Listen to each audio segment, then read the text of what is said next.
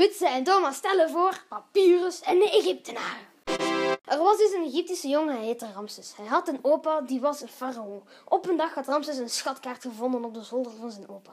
Op de schatkaart staat dat Papyrus is uitgevonden door Paser.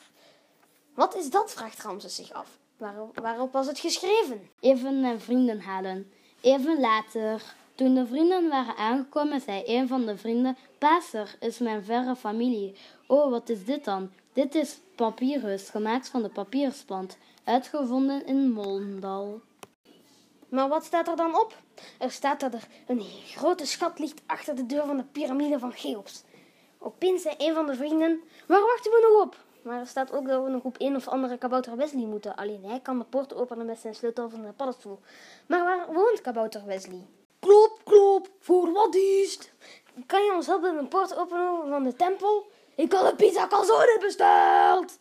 Ik kom alleen als jullie mijn pizza calzone brengen. Begrepen? Kom, we vertrekken. Ik zie het puntje van de tempel. Een uur later. We zijn er. Kabouter Wesley, doe de poort. Doe de poort open. Daarna mijn pizza calzone, hè? Ja. Hoe moet ik de poort eh, open doen? Wat stond er op het plannetje? Op het plannetje staat er dat... Ah, hier.